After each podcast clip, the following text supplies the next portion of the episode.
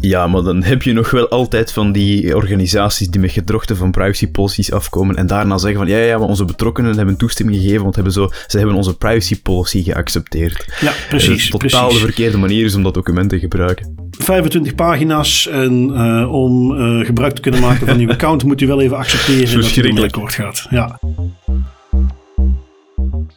Hallo en welkom bij Das Privé, jouw wekelijkse privacy podcast. Iedere aflevering praten we je bij over het reilen en zeilen in de wereld van privacy. Digitale spionage, boetes, datalekken, nieuwe technologie, privacy tools, oftewel alles dat er in een week gebeurt in privacyland. Ik ben Bart van Buiten en uiteraard heb ik Tim van Haren er weer bij en hebben wij het privacy nieuws van deze week gecureerd en eruit gehaald wat er echt toe doet. In deze nieuwe aflevering van As Privé, het stad Mechelen doet aan beïnvloeding, maar op de goede manier. De Britse overheid trekt nog eens ten strijde tegen encryptie. Bart de Wever is de duurste EU-politicus, op Facebook dan toch. We kijken nog naar kredietscores, Europese initiatieven rond technologie en uiteraard gaat er geen week voorbij zonder een paar datalekken en boetes van autoriteiten.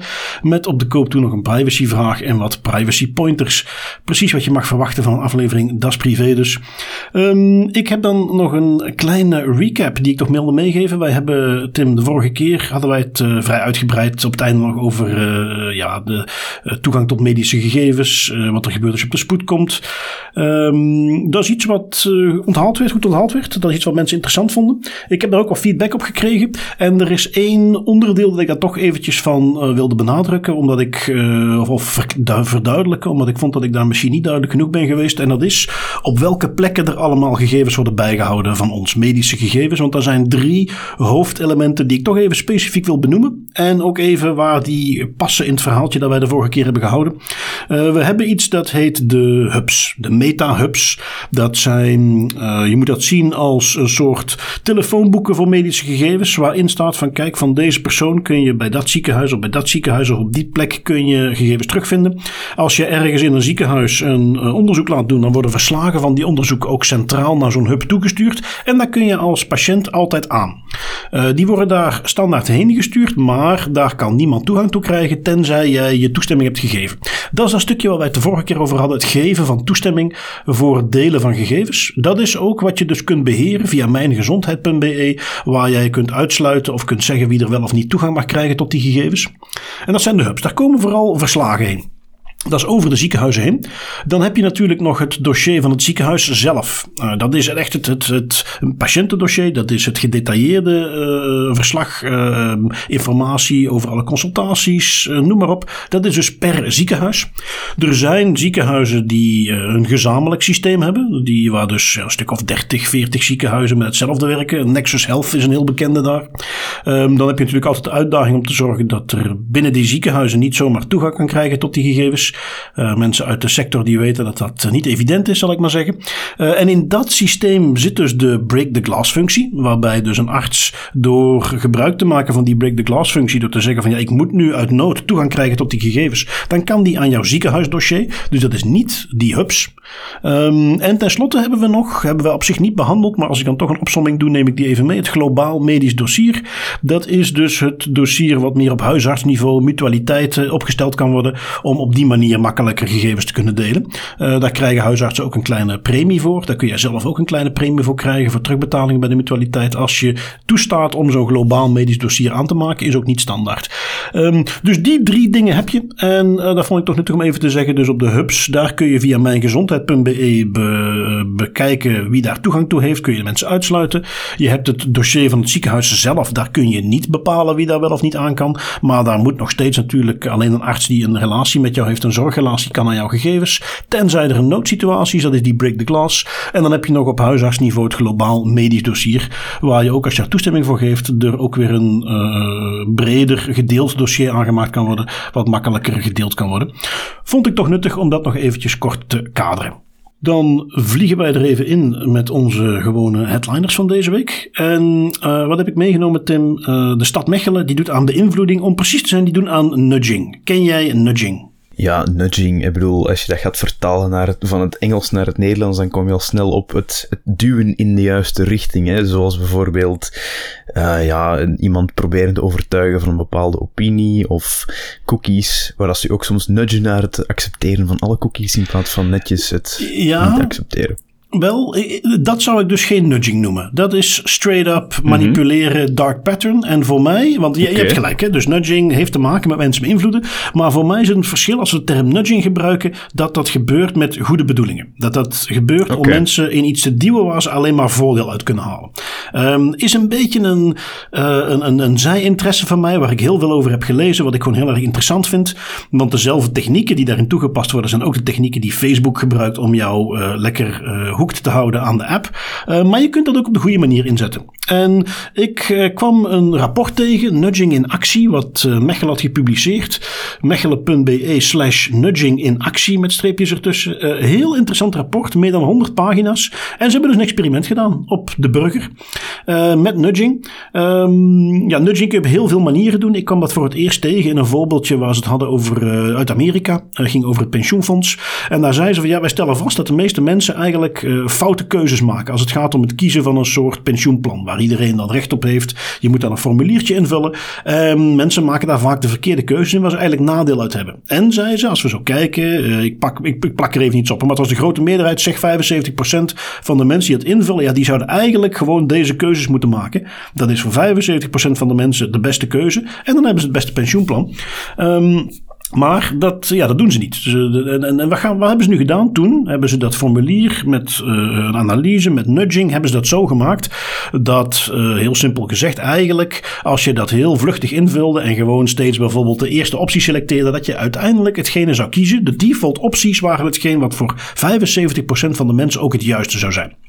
Um, nou, waar kwamen ze achter op lange termijn? Betekende dat dus dat eigenlijk uh, een veel groter deel van de mensen een goed pensioenplan voor zichzelf koos omdat ze dus voor hadden gezorgd als mensen daar niet op de goede manier doorheen klikten, dat ze uh, het goede pensioenplan kozen. Dus uh, oké, je beïnvloedt mensen, maar eigenlijk alleen maar op een manier die hen ten voordeel komt.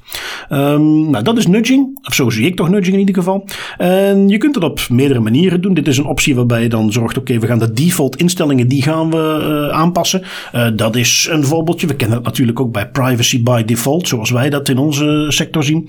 Um, wel, Stad Mechelen heeft dat dus ook gedaan, maar die zijn dat bij boetes gaan doen. Bij uh, gasboetes. En dan merkten ze um, ongeveer 60% van de mensen die betaalt op tijd. Ja, en dan uiteraard 40% niet. En dan gingen ze kijken naar het experiment. Kunnen wij in een, in in een subset, uh, ik geloof dat ze dat dan bij een paar duizend uh, boetes hebben gedaan, kunnen wij dat percentage beïnvloeden mm, door op zich niks te veranderen aan, aan de aard van de boete, maar door een aantal interventies te doen. Uh, door bijvoorbeeld de boodschap in de brief te vereenvoudigen. Door uh, de layout aan te passen en die opvallender te maken en te benadrukken wat de extra kosten zijn als je niet op tijd betaalt. En tenslotte de derde interventie was de boodschap socialer maken. maar bovenal, en dat is een, klassiek dingetje uit, uit beïnvloeding en ook uit nudging, door te benoemen wat doen de meeste mensen. Dat is wat je ook in allerlei reclames, online, websites zie je ook die truc ook continu terugkomen. Uh, 80% koos dit. Of de aanbevolen optie. Of uh, andere lezers lazen ook dit. Je kent het wel. Wel, je kunt dat ook op deze manier gebruiken. En ja, lang verhaal kort. Uh, door alle drie die methodes toe te passen. dus ze hebben het geprobeerd met een, een, variant, een testgroep waar ze maar één dingetje deden. Maar in de groep waar ze alles deden, hadden ze een verhoging van 10% die op tijd betaalde. Dus in plaats van 60 waren het ongeveer 70%. Ja, dat is uiteindelijk. Uh, ze hadden, als ik het wat lees tussen de lijnen door, hadden ze gehoopt op meer. Uh, maar ja, uh, met gewoon wat textuele aanpassingen, uiteindelijk 10% die wel op tijd betaalt. Dat vond ik al helemaal niet slecht. Um, de link met privacy, ik vond dit, behalve dat ik het gewoon heel interessant vind en dat je natuurlijk met mensen hun gegevens aan de slag bent. Maar dit was ook een mooi voorbeeldje Waar men dus niet vooraf informatie heeft gegeven. Men ging gegevens van mensen verwerken. Men ging ook zien wie welke boete zat. Je moet dat kunnen opvolgen. Maar het ligt voor de hand dat in dit geval, uh, als je de mensen van tevoren laat weten dat je dit gaat doen, ja, dan gaat dat effect waarschijnlijk al meteen verloren. Uh, dus dit is iets waar ze ook netjes omschrijven in het onderzoek van kijk, we hebben hier bewuste afweging gemaakt. Ook rekening houden met de potentiële gevolgen voor mensen. Eventueel negatieve effecten die er hier niet echt zouden zijn.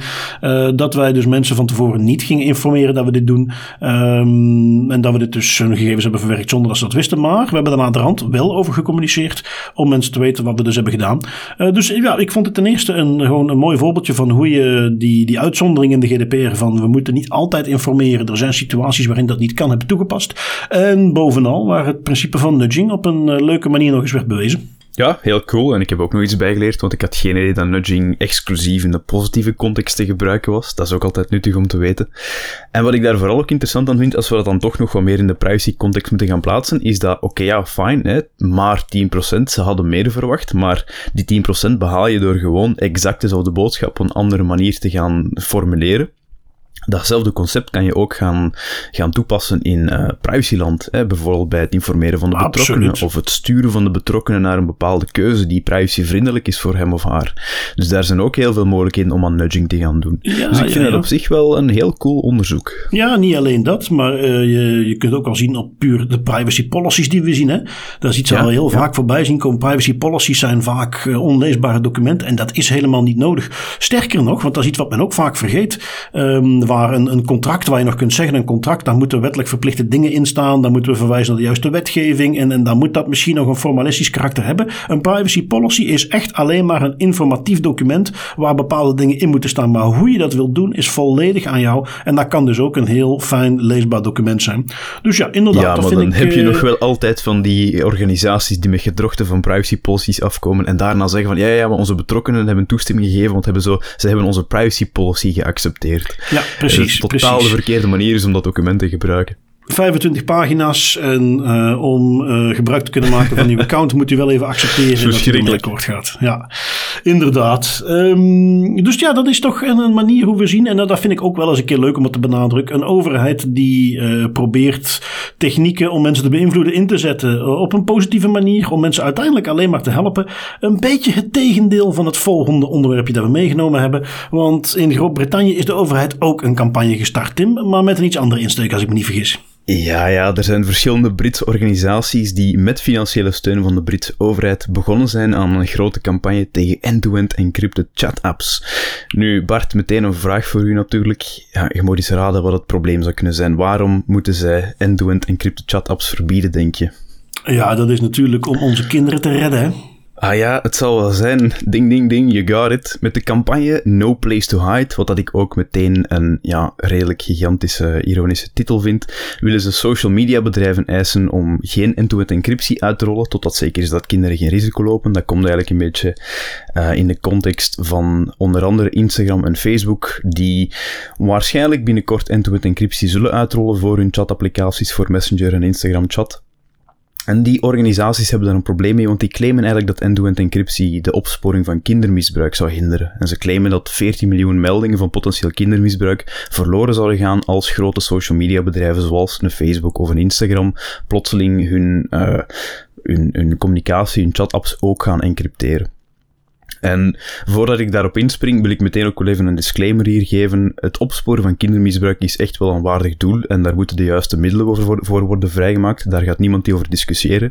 Maar het feit dat ik deze disclaimer moet geven om de discussie te kunnen voeren, geeft ook al meteen mee waar het probleem ligt van deze campagne. Hè? Want het wordt gewoon al te vaak, net zoals terreur, net zoals drugs en essential evils om het zo te noemen, wordt het gebruikt als een ultiem kwaad om elke discussie uit de weg te gaan. Want ja, hoe kan je nu in godsnaam tegen het opsporen van kindermisbruik zijn? Weg met die end-to-end encryptie. En ik snap hun boodschap wel. Kindermisbruik is een, is een gigantisch probleem. Maar het opsporen daarvan mag niet ten koste gaan van ieders recht op een privéleven. Ook niet in chat-apps. Uh, en de ICO, de Britse privacywaakhond, die reageerde daar ook al nog een paar dagen terug op, met, op die campagne. En die zeggen eigenlijk simpelweg wel, die discussie over het gebruik van end-to-end encryptie, die is niet in balans om een verstandige en goed geïnformeerde keuze te kunnen maken. Exact wat ik ook net zei. Ze gebruiken kindermisbruik, wat dat natuurlijk iets enorm slecht is als focuspunt van die campagne. Want je kunt er niet tegen zijn om dan te gaan zeggen, ja, dan moeten we end-to-end encryptie maar gewoon van de kaart vegen, want het, het, zou, kindermisbruik te veel aan de hand werken. En er is te veel focus op de kosten zonder eigenlijk ook de grote voordelen van end-to-end encryptie mee te gaan tellen. En dat vind ik jammer, want het is het zoveelste voorbeeld hiervan. Uh, dat is ook de reden dat ik het meeneem om het toch nog maar even te onderstrepen van, ja, die Holy Trinity waar wij het vaak over hebben, terreur, drugs en kindermisbruik. Het is er, het is een, er is een goede reden dat we ermee lachen en dat is omdat het gewoon continu gebruikt wordt tot als het belachelijk wordt. Ja, en uh, dit is er eentje. Ik bedoel, hier zit echt een, een, een duidelijk plan achter om uh, ja, echt negatief te beïnvloeden. Je, je, ook Rolling Stone had er ook een artikeltje over waarin ze nog eens aangeven uh, dat ze dus. ze hebben ook slides gezien die in die campagne gebruikt gaan worden. Waar dan met een toelichting bij staat van ja, de meeste mensen hebben toch nooit gehoord van end-to-end encryptie. Dus dat betekent dat we ze makkelijk kunnen beïnvloeden. Dat het eigenlijk slecht is en dat het niet goed is. En dat het helpt om kindermisbruik in de hand te werken. Um, ze gaan dus echt een soort media blitz organiseren. Waarin ze uh, liefdadigheidsinstellingen gaan inzetten. Waarin ze uh, politiediensten gaan inzetten. Acties gaan voorzien. waarin ze het publiek vragen om contact op te nemen met de techbedrijven. En een aantal stunts die ze willen gaan uithalen, kennelijk. Een soort flashacties. die specifiek bedoeld zijn om het mensen ongemakkelijk te maken. Dus waar ze waarschijnlijk lekker de emo-porn er flink in gaan gooien. Om mensen op de ziel te trappen en te laten merken dat ze dus eigenlijk kindermisbruik steunen. Dus echt op de, ja, de meest nasty moddergooi politieke campagne, zoals ze die normaal gezien mhm. eigenlijk gebruiken als het uh, verkiezingen zijn, gaan ze dan nu gebruiken om end-to-end encryption tegen te houden.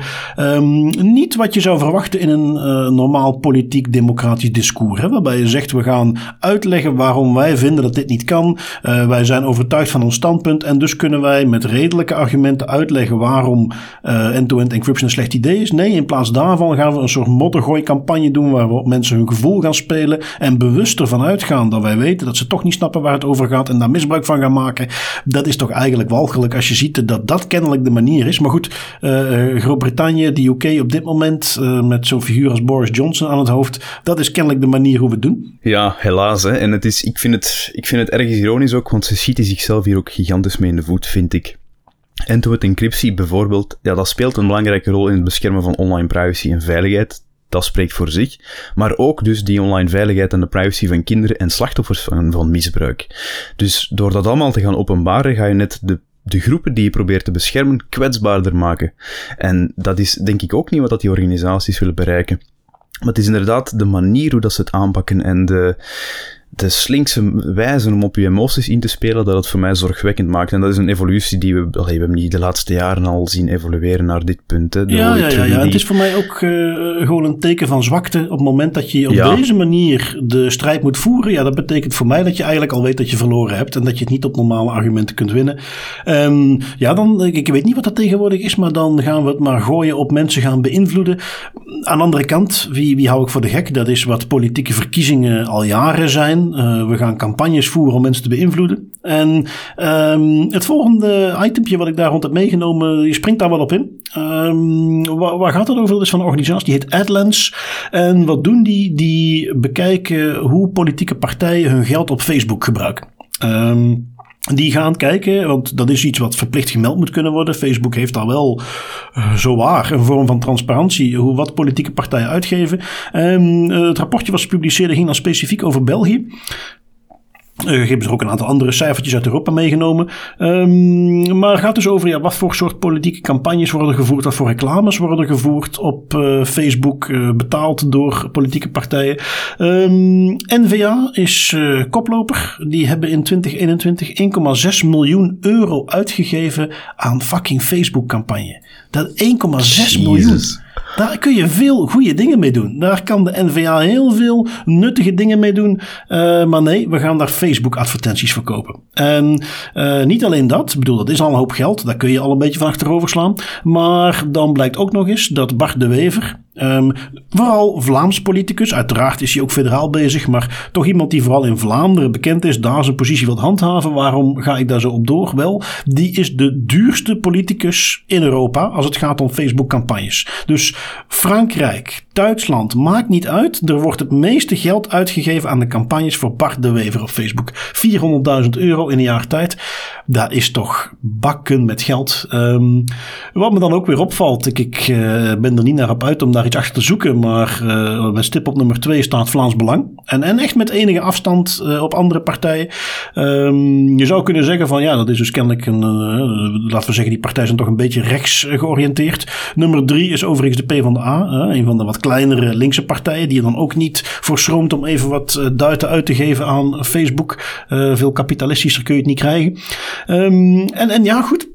Als je dat dan zo bekijkt, dan zie je toch, dat is dus waar Facebook voor gebruikt wordt. Hè? De, om mensen te beïnvloeden, reclame. De mythe van Facebook is van ja, uh, de manier hoe wij jouw gegevens gebruiken, zorgen wij ervoor dat je alleen maar relevante reclame te zien krijgt. Eigenlijk maken wij het verjaardagslijstje, het boodschappenlijstje, wat je zelf niet kunt maken, want wij gebruiken al die informatie. Dus kijk eens hoe fantastisch het is. Dat is even de discussie die Facebook niet probeert te verdedigen bij het Europees Hof. Dat is het contract dat je met ons aangaat. Het feit dat wij jou relevante advertenties bieden. Maar eigenlijk is dat uiteraard onzin. Het gaat niet om relevante reclame voor jou. Het gaat om relevante advertentieskijkers voor de adverteerders. Dat is wat Facebook eigenlijk verkoopt. Um, waar ze dus nu bij onder andere politieke partijen een, een flinke duit voor mogen ontvangen. Uh, dat is dus waar het geld wat politieke partijen krijgen, donaties, sponsoring van de overheid. Dat is waar dus een heel groot deel van het budget bij onder andere de NVA, het Vlaams Belang en de PvdA heen gaat. Facebook advertentiecampagnes. Intriest. Ja, dat is, uh, dat is hallucinant. Zeker ook als je de bedragen bekijkt en wat je daar anders mee zou kunnen doen in België of elders ook gewoon. En wat mij ook zorgen baart is inderdaad het idee dat, dat Facebook onschuldig is en dat Facebook voor de gebruiker werkt, want dat is gewoon absoluut niet zo. En dat heeft dit ook nog maar eens bevestigd. Ik vraag mij ook oprecht af, ik, ik denk wel dat dat heel effectief gaat zijn. De vraag is alleen, willen we dat, hè, dat politieke partijen zoveel geld gaan storten in social media bedrijven zoals Facebook en Instagram, om dan mensen te gaan overtuigen om toch maar te stemmen voor hun partij? Want als er nu één ding duidelijk maakt, dan is dat wel dat die partijen, ja, geld met overschot hebben dat ze dan gaan spenderen aan dingen die totaal niet noodzakelijk zijn en voor de kiezer niks uitmaken. Ja, ja, ja, wat mij betreft, dat zou nog een regel zijn die ik wel leuk zou vinden om in te voeren. Ze mogen dit soort bedragen gaan uh, uitgeven aan reclames. Alleen, die moeten allemaal stuk per stuk gefiateerd worden door een soort ballotagecommissie die iedere reclameuiting goedkeurt. En die dus eerst even mm gaat factchecken ja. of wat er in die reclameuiting staat eigenlijk wel klopt.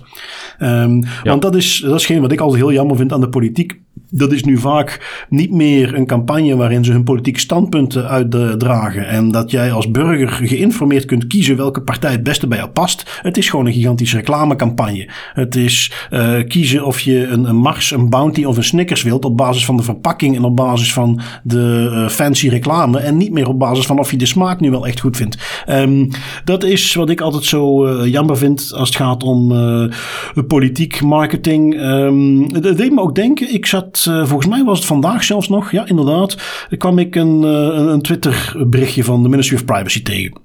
Die hadden de nieuwe uh, campagne website gevonden van de Open VLD, liberaalvuur.be prachtig natuurlijk. Um, dat is een, een, een, simpele website op zich, maar daar is een campagnewebsite.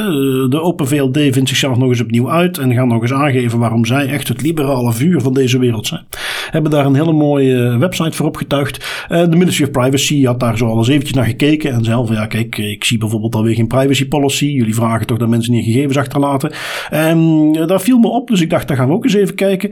En dan kijk je ietsjes dieper en dan zie je dat zij zelf uh, cookies plaatsen maar dat daar geen enkele informatie is, laat staan toestemming. Dat ze gebruik maken van twee Amerikaanse bedrijven om die website uh, online te zetten. Dat ze uh, een Australisch bedrijf, vraag me niet waarom, een Australisch webmakerbedrijf hebben ingeschakeld voor die website. In plaats van gewoon, hè, koop lokaal, uh, gewoon een Belgische partij, een Vlaams webdesign studio. Nee, ook niet. Ja, die gebruiken dan natuurlijk op hun beurt ook weer een Amerikaanse tool om de website de lucht in te houden.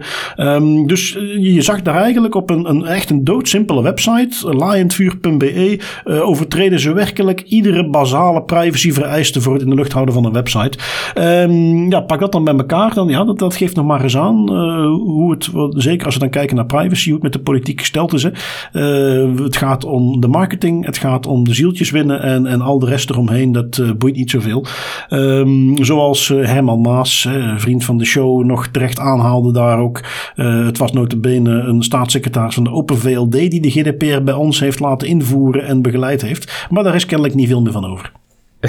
nee, klopt. En uh, dat is iets dat, dat zette mij ook meteen aan denken dat je dat zei. Van ja, inderdaad, hè, privacy wordt niet hoog in het vaandel gedragen bij welke politieke partij dan ook. En ik kan het mij ook niet herinneren. Misschien heb ik ook gewoon niet goed opgelet. Een politieke partij die privacy of, of het, het, het recht op een privéleven en zo als, als focuspunt meepakt in hun campagne. Ik kan me dat oprecht niet herinneren dat een politieke partij dat ooit heeft gedaan. En natuurlijk niet, als je dan kijkt naar hun marketingcampagnes, waarom zouden ze?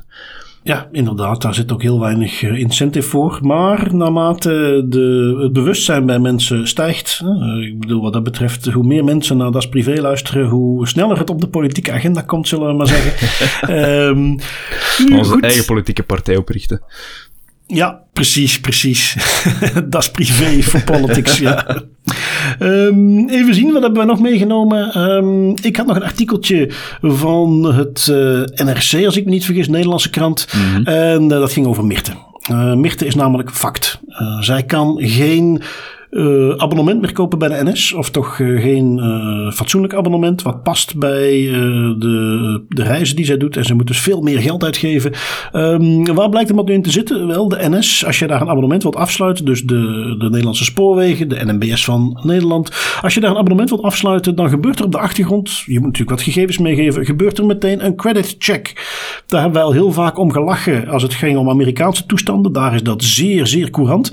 En verdorie, nu komt het toch gewoon ook onze kant op gewaaid. Uh, je hebt namelijk een bedrijfje dat heet Focum. En ja, die noemen zichzelf Handelsinformatiebureau. Ik moet zeggen, dat is een, een, nieuwere term voor een databroker.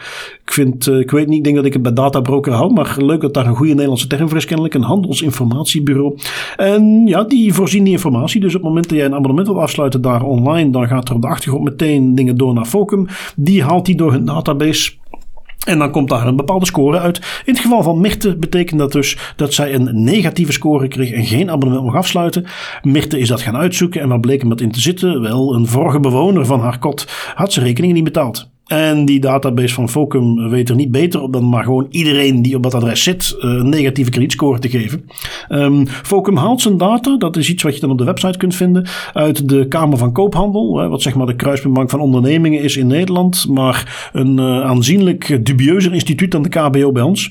Um, rechtbanken, kadaster, staatscourant, met andere woorden publiek toegankelijke informatie, uh, waarbij het zeer de vraag is of dat bedoeld is om op die manier gebruikt te worden. Dag- en weekbladen zeggen ze zelfs, incassobureaus en andere databrokers. Dus echt lekker naar goed Amerikaans model proberen ze zoveel mogelijk informatie te graaien. En daar plakken ze dus een kredietscore op. Um, ja, nadat, uh, het was trouwens Trouw zie ik nu staan, de krant waar het artikeltje vandaan kwam. Die voor dat artikeltje ook vragen waren gaan stellen aan Focum. En ineens heeft Mirte een brief gekregen dat haar gegevens aangepast waren. Vreemd genoeg kon dat dan toch. En ze kan dus nu de abonnement weer afschaffen. Maar uh, ja, ik vond dat uh, teleurstellend. Want ja goed, dat is dan Nederland. Maar dat hoeft niet heel lang te duren voor we dat ook hier gaan tegenkomen.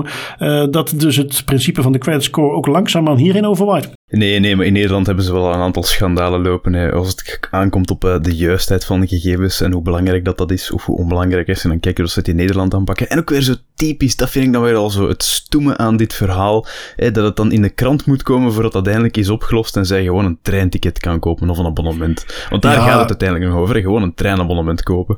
Ja, ja, ja, en het Kafkaanse was natuurlijk, als ze dat vervolgens eerst ging aankaarten bij de NS zelf, dan zei de NS van ja, hey, uh, dat zit hem in de data van Focum, kunnen wij niks aan doen. Wat tussen haakjes uh, ook volkomen fout is. Hè? Even puur het GDPR-hoedje weer opzetten als verantwoordelijke voor de verwerking, als de partij die deze verwerking doet, die het abonnement aanbiedt, ben jij verantwoordelijk voor de juistheid van die gegevens. Als blijkt dat dat een, een fout is die dan bij een van de partijen zit die jij gebruikt, dan moet jij dat zelf regelen en moet je niet aan dat individu gaan zeggen van ja, los hem ergens anders op. Dus ook dat was nog eens uh, verkeerd. Uh, maar dus ja, uh, interessant, laten we het zo zeggen, om te zien dat we die kant hier ook op durven gaan. Um, ik kijk even mee, Tim. Jij hebt er nog eentje meegenomen. We gaan iets verder van huis. We gaan naar Australië, waar de grenspolitie weer wat nieuwe acties voorziet om mensen in hun privacy aan te tasten. Dus voor mensen die daarheen willen gaan backpacken, let even op. Wat doen ze tegenwoordig?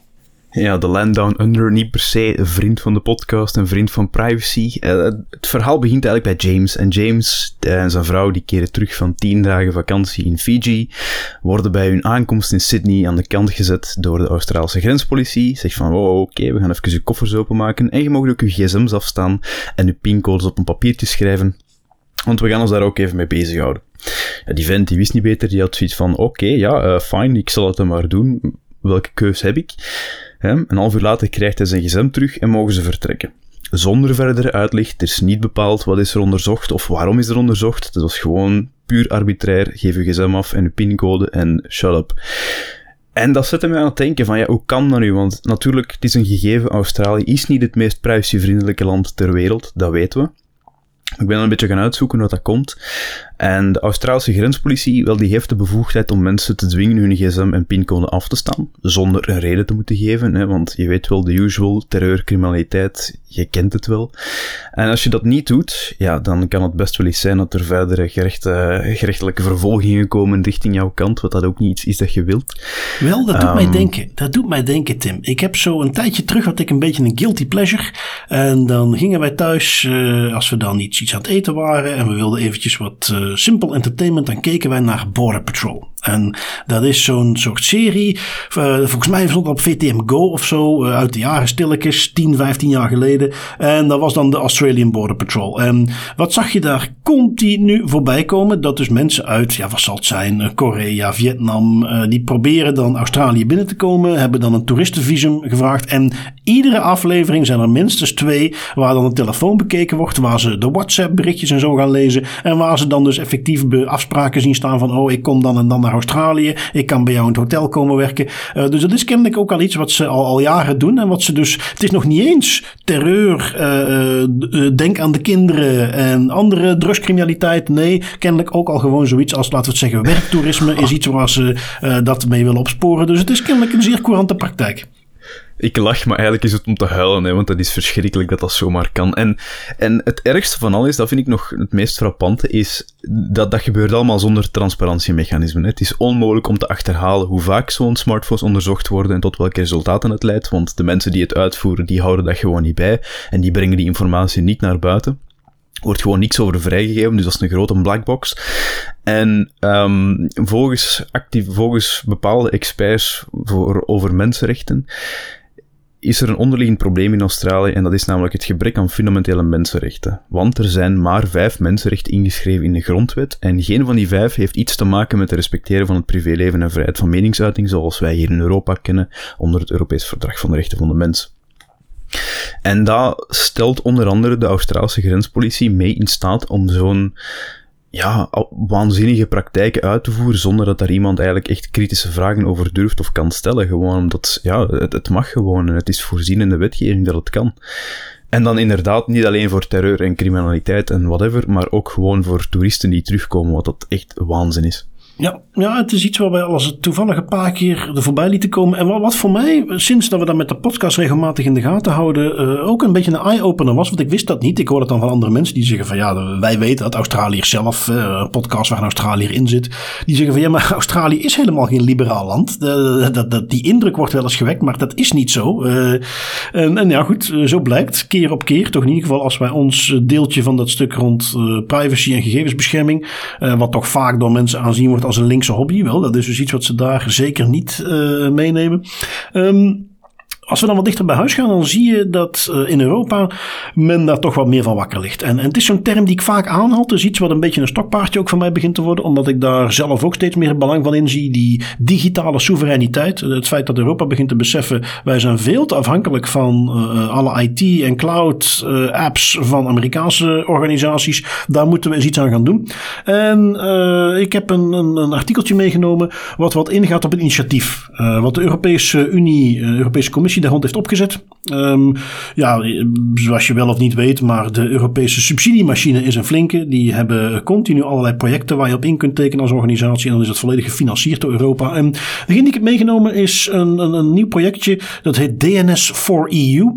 Uh, op de show al eens een paar keer voorbij gekomen. Het principe van DNS. Dat is het, het idee dat je dus niet in je webbrowser allerlei websites uh, IP-adressen moet intikken om op een website te komen. Maar dat je gewoon in kunt tikken vrt.be of google.be en dat je dan terechtkomt op effectief de website van Google. Wel, daarvoor is een gigantisch telefoonboek nodig wat bijhoudt, oké, als iemand dns.be of uh, google.be intikt, waar komt die dan terecht? Welk IP-adres hoort daarbij? Dat zijn wel dingen, dat is een stukje infrastructuur wat ook weer heel erg Amerikaans georiënteerd is. Uh, de simpel gezegd DNS-servers, die, ja, dat zijn toch voornamelijk Amerikaanse. Uh, toevallig hoorde je mij vorige week nog in de show een alternatief meegeven uit Zwitserland. Een DNS-service.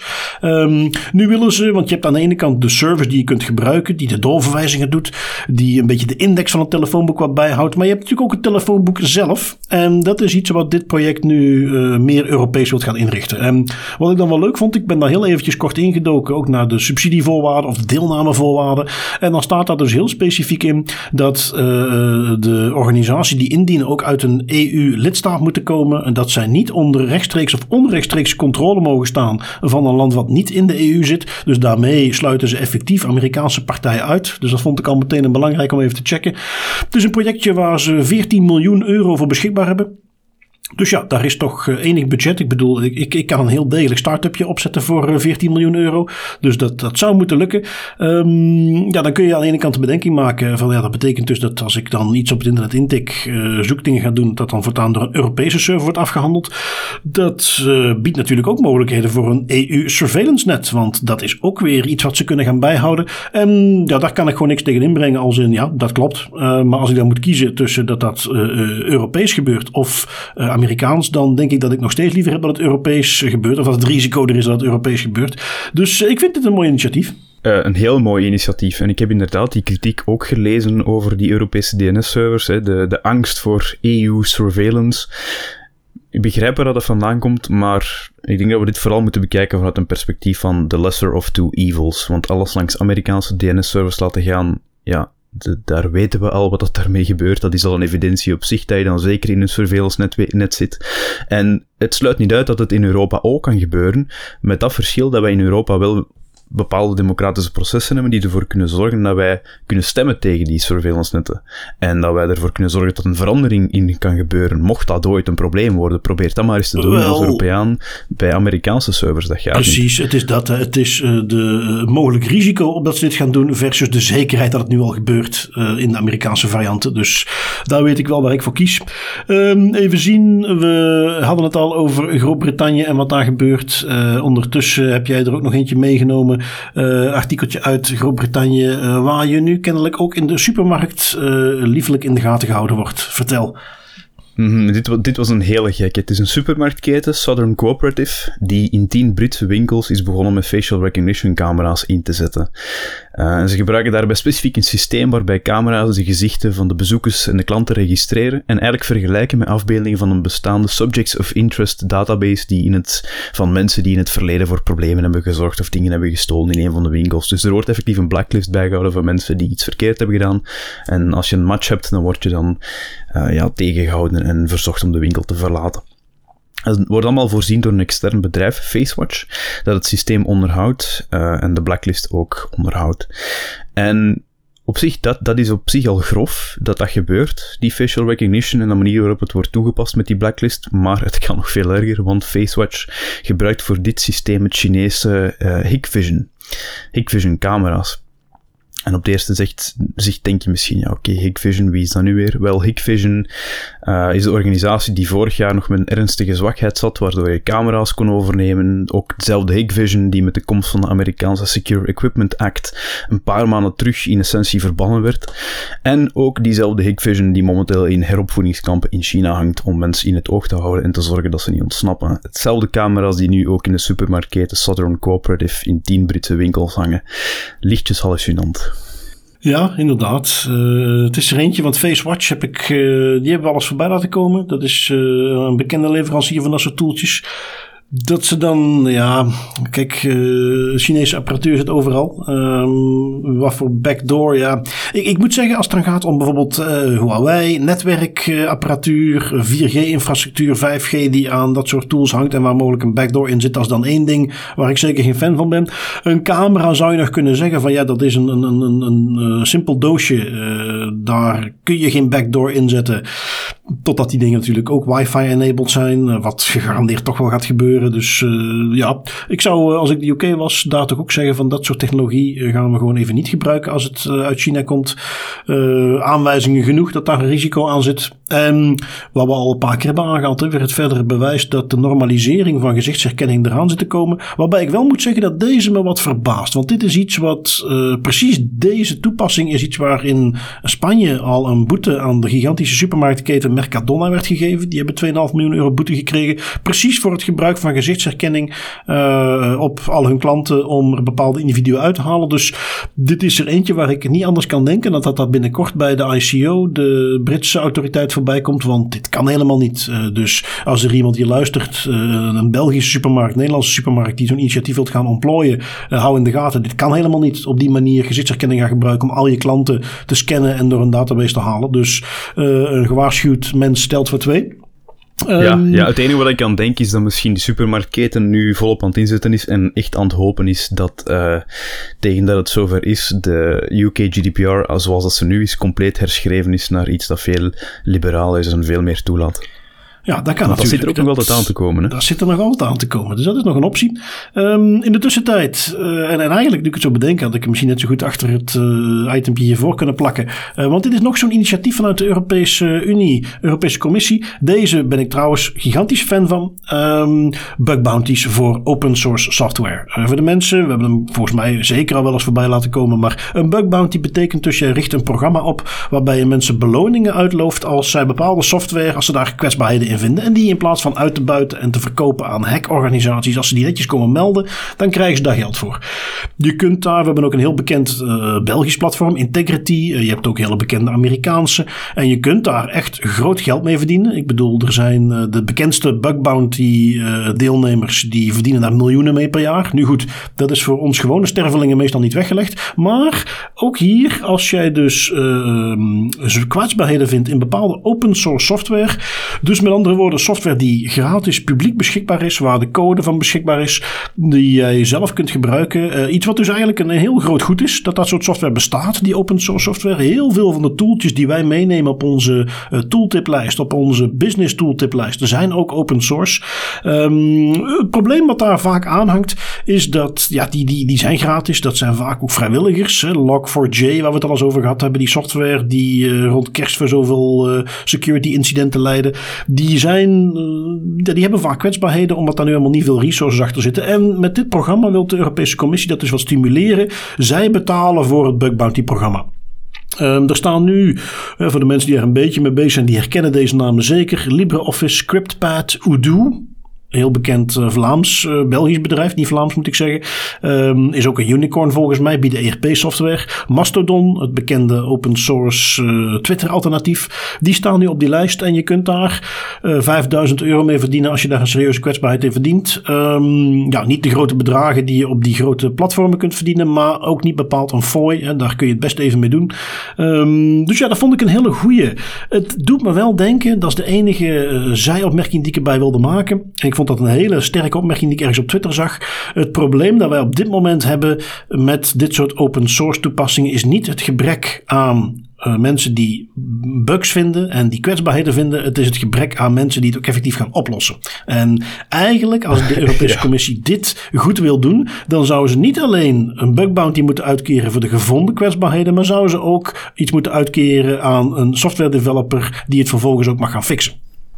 Ah ja, dat zou, dat zou eigenlijk wel een mooie evolutie kunnen zijn van Bug Bounty. Bug Bounty 2.0, dat je inderdaad het niet alleen meldt, maar dat je dan ook effectief een follow-up kunt doen en een, uit, en een uh, reward kunt, kunt gaan uitgeven voor mensen die het effectief gaan oplossen. Dat je dat, dat, dat stuk van, de probleem, van het probleem ook gaat crowdsourcen. Ik moet ook wel zeggen, ik vind altijd heel leuk, bug bounties. Ik vind dat een heel cool concept, dat als het goed in elkaar zit, heel goed werkt. En het is bij mij zelfs al zover gevorderd dat merken of uh, organisaties, producten die daarmee uitpakken van kijk, we hebben een bug bounty platform. Voor mij voelt het al wat meer aan als een, een quality label van ah ja, die zijn ermee bezig en die hebben daarover nagedacht en die hebben zoiets geïmplementeerd. Dus dat geeft voor mij ook altijd een, een meer vertrouwd gevoel als ik zie dat een organisatie of een bedrijf uh, daarmee bezig is. Ja, absoluut. Dus ja, uh, initiatieven die ik in ieder geval heel erg steun. Maar waar ik dus het enige wat ik zou willen meegeven, als men dat nog een beetje wilt evalueren. En men uiteraard daar bij de Europese Commissie ook luistert naar das privé.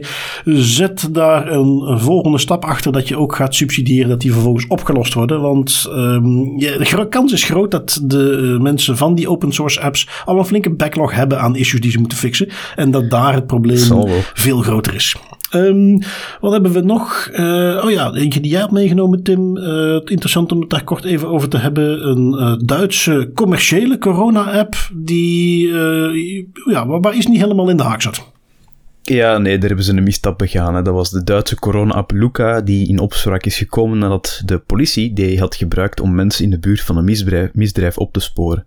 Nu, Meteen disclaimer, Luca is niet de officiële corona-app van Duitsland, maar gewoon een digitaal alternatief voor die papieren bezoekerslijsten die je moet invullen in horeca en andere openbare gelegenheden om daarna mogelijk aan contact tracing te kunnen doen bij infecties van COVID-19. Uh, we kennen ze allemaal wel, die lijsten. Nu, het is zo dat in Duitsland een wettelijk verbod geldt op het gebruik van gegevens uit corona-apps, zij het de officiële app of particulier apps voor politiedoeleinden. Maar toch, in een lapse of judgment van Luca uh, en slecht ingebouwde controles, slaagde de recherche van de stad Mainz erin om gegevens te verkrijgen via die app om dan, ja, ik denk dat het iets te maken had met uh, ooggetuigen opsporen rond de locatie van een misdrijf. Nu, waar heb ik hem vooral heb meegenomen, dat op zich is gewoon een grote misstap van, van de Luca-app. Maar waar ik hem vooral heb meegenomen is omdat het, het geeft nog maar eens meer dat er een goede reden is dat die officiële corona-apps bomvol sterke beveiligingsmaatregelen zijn, zijn ingebouwd en zo weinig mogelijk persoonsgegevens verwerken. En want ook al is het niet het oorspronkelijke doel, het gebeurt nog wel eens veel dat organisaties toch proberen om er achteraf meer mee te doen. Zoals bijvoorbeeld in Singapore hebben we een aantal keer meegenomen, maar dus nu ook in Duitsland. Ze kunnen maar proberen en soms lukt het. Ja, inderdaad. En als we dan toch kijken naar uh, apps die gevoelige informatie bevatten waar het niet helemaal goed gaat, heb ik er nog eentje meegenomen die ook niet mag ontbreken tegenwoordig. Uh, China komt ook wekelijks voorbij. En ja, Beijing 2022 komt voorbij. De winterspelen zijn een aantocht. En we hadden het de vorige keer al dat mensen, sporters krijgen het advies van de Nederlandse overheid om toch maar vooral niet hun eigen toestellen mee te nemen. Of sterker nog, dat is geen advies. Ze krijgen effectief een burnerphone om mee te nemen. Ze mogen het niet. Um, er is ook een officieel officiële Beijing 2022 app.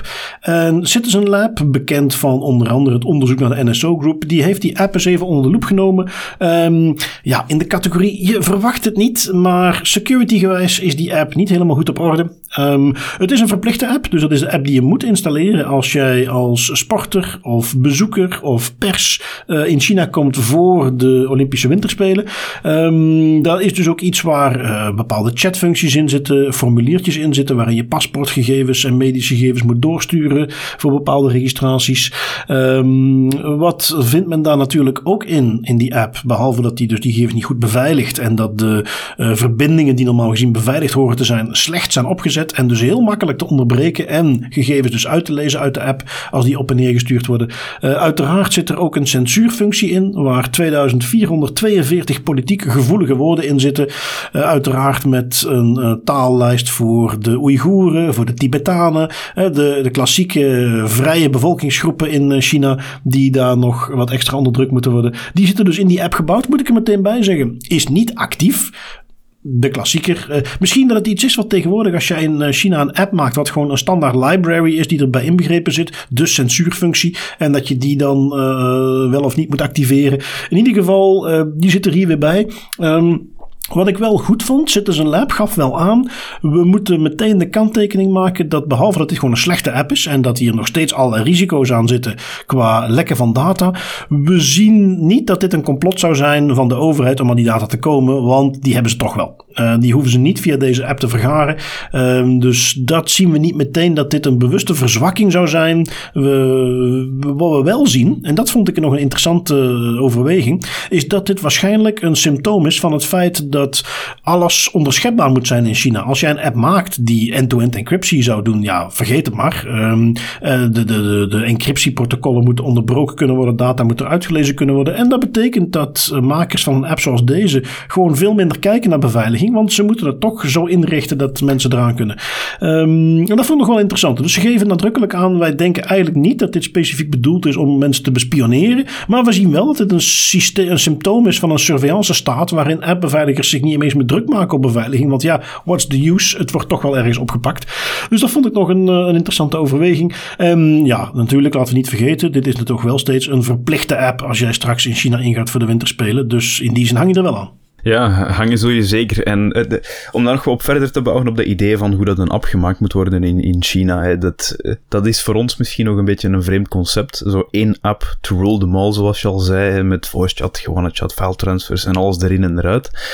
Voor ons is dat vreemd, want wij hebben nog altijd heel veel apps die allemaal één specifiek ding doen. Terwijl in China heerst al heel lang het idee dat jij één centraal app hebt. En dat zit allemaal in één, één app, terwijl dat bij ons nog gescheiden is. Dus ook daar zie je wel, dat is typisch volgens het Chinese model, one app to rule them all. Ja, zeer merkwaardig, maar as expected.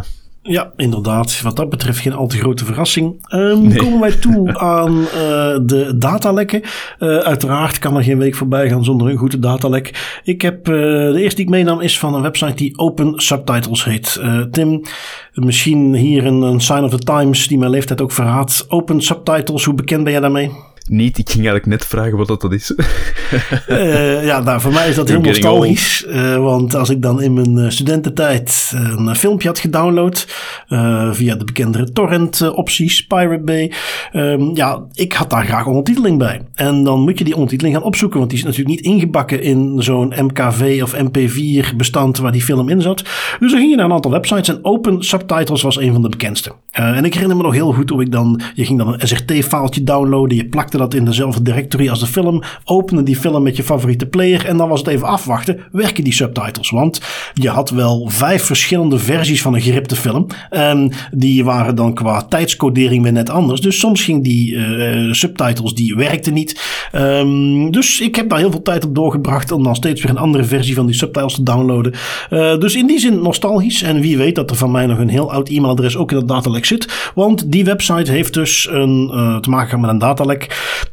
sluit ook al meteen aan bij het feit dat het een, een iets is wat uit vervlogen tijden wel lijkt. Hè, want uh, piraterij bestaat nog steeds. En, en naarmate er steeds meer verschillende streamingdiensten bij elkaar komen, zie je het langzaam weer opduiken. Um, maar dat terzijde, um, men gaf aan dat het dus te maken had met een, een datalek, omdat eigenlijk de website gewoon niet goed beveiligd was. De wachtwoorden zelf waren met MD5 hashes beveiligd. Uh, de mensen die daar bekend mee zijn, die weten dat dat toch echt wel erg zwak is. En als mensen ook nog eens een zwakke wachtwoord gebruiken, dan weet je zeker dat een MD5-hash niet voldoende is om het te beveiligen. Het was dus niet gewoon leesbaar opgeslagen, maar nog steeds slecht beveiligd. Het ging om 6,7 miljoen records. Wat ik dan nog even interessant vond als statistiekje. Have I been pwned? Die, die hele grote uh, data breach website waar je kunt opzoeken of jouw e-mailadres in een, breach zit. Die zei van ja, van die 6,7 miljoen hadden we er sowieso al 75% in onze database zitten. Dus dat is ook een, sign of the times dat dat tegenwoordig uh, de standaard is. Dat Have I been pwned zegt van ja, de meeste hebben we al, maar hey, laat maar komen. Um, we kunnen ze er maar bij hebben zitten. Dus dat vond ik nog een typische, leuk om die even mee te nemen. Um, we hebben nog een datalekje bij het Rode Kruis het internationale Rode Kruis. Die hebben een, eh, website um, die uh, bedoeld is om uh, gegevens te verzamelen in het kader van, van vluchtelingen. Um, waar je informatie kunt achterlaten. Restoring Family Links heet het. En waar je dus, het doel van die website is op die manier die gegevens te verzamelen om gezinnen weer te kunnen herenigen. Um, ja, die, dat is dus niet de website van het internationale Rode Kruis. Het is een subsite. Het is iets waar ze dit dan op bijhouden. Maar daar stonden toch meer dan 500.000 personen op. Dat zijn per definitie natuurlijk al kwetsbare groepen. We hebben het over vluchtelingen, um, mensen die in een oorlog verzeild zijn geraakt. Um, en ja, die zijn gehackt. Die website, uh, 515.000 van die gegevens liggen dus potentieel op straat hoeft niet te gebeuren, want de uh, organisator van die website, de verantwoordelijke bij het Rode Kruis, heeft een oproep gelanceerd aan de hackers.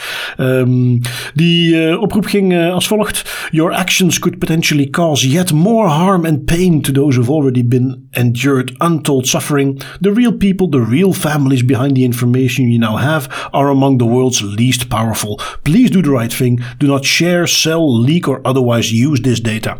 En natuurlijk een hartverwarmende oproep, eh, een, een smeekbede aan de hackers om die gegevens niet te gebruiken. Ik moet wel zeggen dat ik met dat ik dat lees, me één ding dan toch ook wel bedenk van ja sukkel, als je dan dat soort gegevens online gaat zetten, beveilig ze dan fatsoenlijk. Want dit soort hackaanvallen gebeuren meestal niet op de meest gesofisticeerde manier. En het is heel goed dat hij nu die smeekbeden doet. Maar als die gegevens dan zo belangrijk waren, had dan meteen toen je die website opzette, dat ook fatsoenlijk beveiligd. Je weet dat toch. En het blijft een liefdadigheidsorganisatie, maar het Rode Kruis heeft geld. Daar zitten budgetten om zo'n website fatsoenlijk te beveiligen. En ik hoop natuurlijk nog steeds voor die mensen dat die gegevens niet gewoon gepubliceerd worden. Maar ik ik hoop ook echt dat we langzaamaan eens in een tijd komen waarin ook dit soort organisaties, ook het Rode Kruis, het maakt me niet uit wie, als jij dit soort gegevens bijhoudt, als die zo gevoelig zijn, dan heb jij de plicht om die dingen te beveiligen. Het, het argument van ja, maar we hebben daar geen geld voor en onze missie is zo belangrijk. Ja, inderdaad. En dan is het net zo belangrijk om die gegevens goed te beveiligen. Als je dat niet op de goede manier kunt doen, dan moet je zo'n website niet oprichten. Is een kleine bedenking die ik me hier wel bij maakte. Volledig terecht. En als ik er nog op mag aanknopen, liefst zonder dat er meteen een gigantisch datalek moet gebeuren, dat ze dan pas het security budget en het veiligheidsbudget naar omhoog gaan kreken. Want dat is ook iets waar ik echt beu ben om te zien hoe organisaties na een lek gigantisch veel geld gaan pompen in hun security om toch maar te proberen hun reputatie te redden, terwijl dat eigenlijk al van in het begin had moeten doen. Ik snap het, security is misschien soms iets waar je veel geld in pompt en je niet meteen resultaat uit krijgt, maar dat is net de bedoeling van security, dat er niet veel gebeurt in je organisatie op dat vlak, dat het allemaal goed en veilig verloopt. Ja, ja, het is de klassieker uh, die je op heel veel verschillende plekken tegenkomt. Uh, de return on investment voor preventie is heel moeilijk in te schatten. Door het te voorkomen ga je de kosten inderdaad uh, voorkomen. En dat is heel moeilijk te onderbouwen. Maar toch belangrijk genoeg om daarmee bezig te blijven. Um, ik heb er nog eentje meegenomen. ja, trouwens, dat is geen datalek. Of dat is wel een datalek. Maar dat is er eentje waar ondertussen ook al een boete aangekoppeld is. En dat betekent dat wij dus toegekomen zijn aan het onderdeeltje van de autoriteiten. You will respect! En in de reeks van obscure autoriteiten die wij zo af en toe even de revue laten passeren omdat ze stevige boete hebben opgelegd, neem ik u deze keer mee naar Malta. En in Malta heb je ook een gegevensbeschermingsautoriteit. Inderdaad niet een van de grootste of een van de bekendste, uh, maar deze heeft nu 65.000 euro boete opgelegd aan een IT-bedrijf. Um, wat deed dat IT-bedrijf? Die waren in arm genomen door een politieke partij uh, om een, een, database met de gegevens van uh, 350.000 En hun politieke voorkeur bij te houden. Malta, het uh, zit niet meteen in mijn hoofd hoeveel mensen daar precies wonen, maar ik denk dat we rustig kunnen zeggen dat dit waarschijnlijk uh, zeker de helft van de hele bevolking van Malta is die in die database zit. Wat zat daar bijvoorbeeld ook bij? Uh, een, een indicatie van de politieke voorkeur van die mensen. Iets wat natuurlijk ook in Malta helemaal niet op die manier bijgehouden mag worden. en dat was een van de redenen waarom uiteindelijk dat bedrijf een boete van 65.000 euro kreeg. Um, ja, uh, ook weer iets wat natuurlijk niet op de goede manier beveiligd was. Um, wat hebben we nog? Jij hebt er eentje meegenomen, Tim. Mag natuurlijk niet ontbreken van de AIPD. Ja, inderdaad. Van Malta naar de Gouden Zuil en marmeren vloer van IPD, want die komt ook terug op gang in 2022 en die reikt nog eens een boete uit van 15.000 euro aan energiebedrijf Gerlex, omdat ze het concept creepy toch niet helemaal snappen, denk ik. Dus het verhaal gaat zo dat een betrokkene een telefoontje kreeg van Gerlex om zijn elektriciteitsleveringscontract te verlengen en vervolgens een sms ontving met een link naar een contract waarin al zijn persoonsgegevens al waren opgenomen.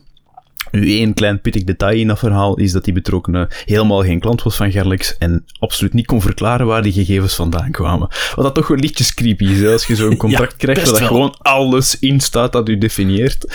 Uh, eh, IPD is er natuurlijk in meegegaan, vond dat ook niet kunnen en heeft ze dus een boete van 15.000 euro gegeven. Dat is nog redelijk mals dat is nog redelijk mals. Hè. Ze moeten nog op gang komen, denk ik. Maar goed, daar zit misschien de korting contant al meteen in verrekend die ze altijd uitkeren bij de IPD. Zoals altijd, langs de kassa passeren, dan gaan ze er wel uh, iets minder aan moeten besteden. En uh, ja, goed, als we dan kijken naar uh, slechte marketingtrucjes, dan had de Italiaanse Garante er ook nog eentje. En een stevige, dacht ik. Tim, jij hebt hem bekeken? Ja, een stevige en eentje die ik ook totaal niet snap van het bedrijf. Het is een Italiaans energiebedrijf, Enel Energia, en die krijgen een boete van 26,5 miljoen euro van de garante. Waarom? Het bedrijf had onrechtmatig persoonsgegevens van miljoenen mensen voor marketingdoeleinden verwerkt en lapte eigenlijk de basisprincipes van de GDPR aan hun laars en weigerde dan ook nog eens mee te werken aan het onderzoek van de garante. Nu, om u een voorbeeld te geven van wat ik bedoel met onrechtmatig de persoonsgegevens van miljoenen mensen voor marketingdoeleinden verwerken. Dat bedrijf bestookte betrokkenen stelselmatig met marketingtelefoontjes, zelfs bij toch wel een groot aantal betrokkenen die hun recht op gegevenswissing had opgeroepen en waarvan dat de data eigenlijk al lang verwijderd had moeten zijn. En dat is in mijn ogen zo'n typisch geval van een bedrijf dat in rond 2018 de memo die heeft gekregen dat er wel eens een nieuwe wetgeving in werking is getreden die interessant kan zijn voor hun. En die er maar ja, door de maas van het net probeert te glippen. En dat bewerkt voor een tijdje, maar we zien nu wel die autoriteiten die schakelen nu toch wel een versnelling hoger met handhaving. En dan krijg je een boete van 26,5 miljoen euro op je dak. Het is uh, een serieuze. Het doet me denken aan. Uh, want het, ging dan ook vooral over de, heftige marketingactiviteiten die die organisatie erop nahield. En uh, ik weet dat er. ja, we hebben die de vorige keer ook meegenomen. Ergens volgens mij in juli 2021 had al een ander bedrijf, een telecombedrijf, had al een boete gekregen voor wilde marketingpraktijken. Zo noemden ze het zelf in de beslissing. Dus dat is toch een, een dingetje in Italië, ken ik. Hè. Ze zijn er natuurlijk al wat emotioneler. En dat uitzicht kennelijk ook in de marketingtechnieken. Toen kregen ze een goede 4,5 miljoen boete, als ik me niet vergis. Wel, ondertussen staat de teller al op 26,5 miljoen als je dat soort praktijken toepast. Dus uh, toch zeker interessant. Um, dan kijk ik nog eventjes naar onze privacyvraag. We hadden via de Element Community, uh, die overigens, uh, om dat toch nog eens een keer in de verf te zetten, nog steeds voor iedereen toegankelijk is. Wil je graag wat chatten met mede privacy voorstanders? Dat kan nog steeds op onze Element Community. Via onze website op de contactpagina vind je alle informatie om daar ook lid van te worden. Van harte welkom. En daar werd nu een, een privacyvraag gesteld. Een vriend van mij heeft een vraag die ik nogal tricky vind. Hij werkt in België voor een internationaal bedrijf, US-based, uiteraard. En in het arbeidscontract staat een clausule dat hij moet aangeven als er naasten van hem bij een concurrent werken. Het bedrijf is hiertoe verplicht door US-wetgeving, wordt gezegd, maar hij moet dit doen. Het gaat over gegevens van anderen en kan dat wel. Uh, dus voor de toelichting, het ging dus effectief over dat je een lijstje moest gaan doorgeven. Indien er mensen waren die bij een concurrent werkten, dan moest je een lijstje van familie en vrienden doorgeven waar die met naam en toenaam op stonden. De vraag was, kan dit? Um, simpel antwoord is nee, dat kan niet. Um, we hebben daar, en opnieuw is dat Amerikaanse wetgeving, dat zou best kunnen, maar hier in Europa kan dat niet. Je moet dan een wettelijke basis gaan zoeken van ja, waarom kan dat bedrijf dat vragen? Uh, als je daar het lijstje afloopt, dan kom je maar op eentje uit die ergens zou kunnen. Het, het gerechtvaardig belang van dat bedrijf maar als je het dan gaat afwegen, want dat is wat je altijd moet doen als je vindt dat je een bepaald belang hebt als bedrijf. Als je het gaat afwegen tussen de rechten van het individu en hier dus de verplichting om gegevens van familie die toevallig bij een concurrent werken door te geven, dat is niet hoe we dat hier oplossen. Je hebt daar gewoon een NDA voor die je moet tekenen of een concurrentiebeding. En uh, er zijn zelfs organisaties dat dat heel gevoelig is. Denk aan beursorganisaties en dergelijke. Dat je dat om de zes maanden of om het jaar moet bevestigen dat dat nog steeds zo is. Dat je daar nog steeds van op de hoogte bent. Dat je nog steeds weet als er een belangenconflict is, dat je dat moet aangeven. Dat soort dingen kunnen allemaal, maar je kunt niet van tevoren verplicht worden om een lijstje met naam en toename van familieleden en vrienden te geven die toevallig bij een concurrent werken. Dus als iemand ooit tegenkomt, hou in de gaten. Dat is dus iets wat niet kan. Um, dus ja, vond ik nog best wel een interessante vraag. Want we hebben natuurlijk nog voldoende bedrijven hier met een US-achtergrond. die dat heel vaak gewoon één op één overnemen naar hun Europese werknemers. En dat is niet de bedoeling. Um, privacy pointers. Tim, uh, we hebben allebei volgens mij toch nog een, een toeltje meegenomen. Dus uh, we vinden ze toch nog wel. Uh, wat heb jij meegenomen? Ja, ja, dat idee van die business tools, dat verbreedt de horizon weer al een klein beetje. Ik heb Boxcryptor meegenomen en Boxcryptor maakt eigenlijk de bescherming van gevoelige info in Amerikaanse clouds mogelijk. Het is software die je kan integreren in de werking van bijvoorbeeld een OneDrive, Teams of Dropbox en gebruikt end-to-end versleuteling om data veiliger op je clouds te zetten. En hoe je dat eigenlijk simpelweg moet voorstellen is simpel voorbeeld, dat je encrypteert lokaal je data met Boxcryptor nadat het geïntegreerd is in de tool die je gebruikt. Na die lokale encryptie komt het op de cloud terecht. Onleesbaar voor Microsoft of Amerikaanse autoriteiten, want het enige wat zij zien dat op hun cloud staat is iets dat al eens geëncrypteerd is, met een sleutel waar zij geen toegang toe hebben. En dan het downloaden van op een andere PC kan je dus de, de data die geëncrypteerd op een Amerikaanse cloud staat, terug gaan decrypteren lokaal en kan je het weer netjes lezen. En dat klinkt misschien omslachtig en misschien klinkt dat als iets dat je manueel moet doen, maar Boxcryptor heeft dat wel op een manier opgelost dat dat eigenlijk redelijk automatisch verloopt nadat je de initiële setup hebt gedaan. En op die manier kun je dus wel privacyvriendelijker Amerikaanse clouds terug gaan gebruiken. Ja, inderdaad. Uh, doe een beetje denken aan Cryptometer. Die staat al in onze toollijst. Uh, maar we willen er altijd graag uh, meerdere kunnen aanbieden. Niet te veel, dus we hebben er nu twee die op die manier de optie bieden om toch nog de bekende Amerikaanse clouds te gebruiken. Maar daar een extra laagje van beveiliging bovenop te doen.